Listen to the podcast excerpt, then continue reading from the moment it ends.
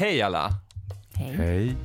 Nu har det äntligen blivit dags för vårt första frågeavsnitt som vi har längtat. Ja. Mm. ja, det ska bli jättekul. Ja, och det är jättekul. Alltså det är så otroligt många som faktiskt har tagit sig tiden att skicka in olika frågor till oss som de vill att vi tar upp här i podden. Mm. Och det är roligt för det är många som följer oss på Instagram och alla ni som hör det här hör ju det i podden. Så ni får gärna prenumerera och ni får jättegärna skicka in frågor och då är det här på podden då som vi tar upp dem, inte på Instagram. Exakt, och då kan ni mejla till familjartpodd.gmail.com eller så kan ni skriva på Instagram, det går lika bra. Så samlar vi ihop dem och så betar vi av dem vid ett särskilt avsnitt varje vecka. Och vi kommer börja med en mejlfråga som har kommit in eh, från någon som vill vara anonym och det får man alltid vara. Personen i fråga undrar, hur bemöter man en person som är ofrivilligt barnlös? Och anledningen till att hon ställer den här frågan, det är för att hon väntar barn och skulle berätta det för en god vän. Och den här vännen blev inte alls glad.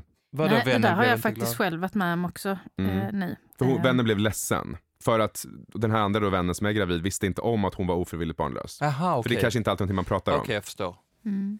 Ja, Nej, det är ett jätte, jättekänsligt ämne. Eh, man kan ju inte heller dölja det och inte tala om det. Ja, inte hur länge som helst i alla fall. nej, det kan man inte. Och sen så är man själv jättelycklig och jätteglad och det kan man inte heller... Det, det måste man ju också få visa. Sen kanske man inte behöver överdriva det just inför den här personen. Eh, man kan väl bara bekräfta att och säga precis som man känner att det här är jättejobbigt för mig att berätta för dig för jag Oftast kanske man vet att det, att det Mm. finns en ofrivillig barnlöshet och att man kan bekräfta det. Att, att jag tycker det är jättejobbigt för att jag vet att du har längtat så länge och vill så mycket men nu är det så här. Och då får man säkert någon typ av bekräftelse tillbaka också från den personen. Att ja, det är, det är jobbigt och det är jättejobbigt att se andra gravida människor och se lyckan när det här barnet kommer. Mm. Men jag förstår såklart att du är glad. Ja, för någonstans får man jag. ju också, man, man är ju glad för sin egen skull om man då själv kanske har eh, väntat ett, ett bra tag och man har blivit gravid och så känner man att och det är exakt det här som jag har velat. Då är det kanske också svårt att hålla inne det för att liksom möta någon annan. Det måste vara det, där är, det där är jättekänsligt för att man vet, alltså har kvinnor som har längtat väldigt, väldigt länge efter barn och det funkar inte och det går Mm. inte och det kanske är missfall. Det, alltså det sätter sig, Mm. det, det påverkar hela, hela livet. Så det, det, det är tufft, jag förstår. Det är därför också tror jag det är viktigt när man som vuxen pratar med en annan vuxen som kanske är barnlös, att man inte ska ta för givet någonting utan man ska vara lite försiktig. Man kanske inte ska fråga, Åh, när ska ni skaffa barn då? Nej, jag skulle precis säga det. Sluta fråga det till alla människor, för Mm. det är jättejobbigt. Och samma sak om de har ett barn, till exempel om de gärna skulle vilja haft fler. Bara, "Ja, när kommer nästa? Att man inte ska ställa den här typen av frågor för det är ingenting som man vet hur det tas emot. Nej. Så att man ska vara lite ödmjuk och försiktig där. Mm. Nästa fråga är eh, en eh, Instagram-fråga. Den är egentligen riktad till dig Melinda. Oj. Den här eh, följaren har eh, läst att det finns biologiska barn i familjer där man också tar in familjehemsplacerade barn som ibland känner sig lite åsidosatta. Att det blir lite konkurrens mellan de olika barnen. Mm. Personen undrar om du har upplevt detta och i så fall hur, eller om du har tips på hur man kan jobba med det här. Men det har jag faktiskt, därför att jag brukar alltid säga det att när man ska ta emot placerade barn så ska man välja att ta i en helt annan ålder än vad de biologiska barnen är.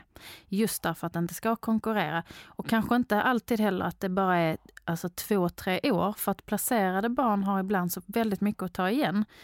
Även fast man kanske är sex år, så mentalt så är du tre, fyra Mm. på vissa plan. För du behöver ta igen eh, det du har missat om du har levt i en dysfunktionell familj. Så att har man...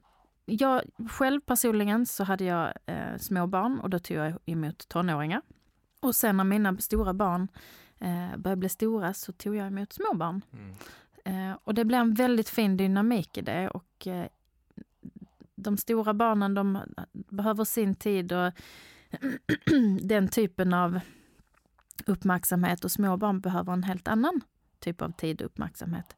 Så då, då, då, då undviker man att, att någon ska känna sig utanför och, och åsidosatt. Sen är det ju alltid så att en ny människa tar tid eh, som kommer in i familjen. Men eh, stor åldersskillnad är mitt tips. Mm. Bra tips. Jättebra tips. En fråga här, som är en mejlfråga också, som undrar. Personen skriver att eh, hennes tremänning och hennes flickvän har en son tillsammans och eh, den här sonen har ju fått välja själv vad han ska kalla de här två mammorna. Och då undrar den här personen vad våra barn kallar oss. Eftersom att till exempel, då, du har ju barn själv med Linda, du har Mm. också barn tillsammans med andra, du har placerade barn och nu har du ett, en dotter med Martin. Och vi har ju två döttrar och vi är ju båda pappor. Då undrar hon, hur, hur kallar barnen de vuxna i dess närhet? Är det Alltså när, när Miriam var liten så kunde hon ju inte säga Johan, så hon kallade båda för pappa John. mm. Mm. Så då var det lite svårt, för då visste ju inte jag eh, när det var mig hon kallade på. Men nu så säger jag både Ast- nej, Astrid säger Johan till oss båda ju. Hon har börjat säga John hörde jag nu häromdagen. Hörde du verkligen det Ja. eller vill du höra Nej, det? jag hörde det. Ah, Okej, för jag, jag, har verkligen försökt, Johan. jag har försökt att ignorera allt. Mm. Men Men, det, nu hörde jag annars det. är det pappa John och pappa Johan. Mm. Och kallar de bara pappa så kommer vi båda två. Och då blir de ju glada att de, de får allas uppmärksamhet. Mhm. Ja. I din familj då Melinda, är det, vad, vad kallar eh, de små Martin? Är det vid namn? Eh, Den äldre kallar vi namn Mm. och den lille säger pappa. Mm. Vad fint. Ja.